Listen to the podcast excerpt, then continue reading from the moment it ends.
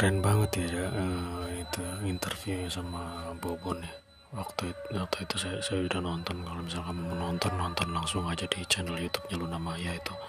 Yang pokoknya uh, apa namanya lokasi lokasinya ada di rumahnya yang masih bedeng belum jadi itu di situ dia sama Bobon interview. Uh, mungkin videonya durasinya ya di bawah 10 menit lah jadi ada interview pendek di situ yes or no yes or no interview lah. Bisa bisa dibilang interview.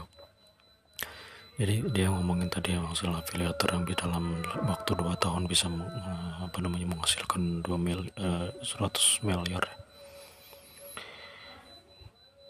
Jadi dia ngomongin tentang masalah binary option tetapi sebenarnya ya pokoknya intinya saya gini aja lah saya menyampaikan apa yang saya lihat aja. Kematian pertama muncul binary option itu emang benar-benar di mana-mana kita sampai ke konten YouTube itu. Youtuber-youtuber itu dapat endorse ya kan?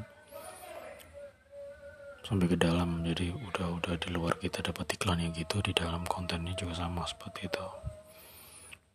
Dan katanya apa namanya di Bubun Santoso sendiri juga dia pernah dapat endorse dari dia.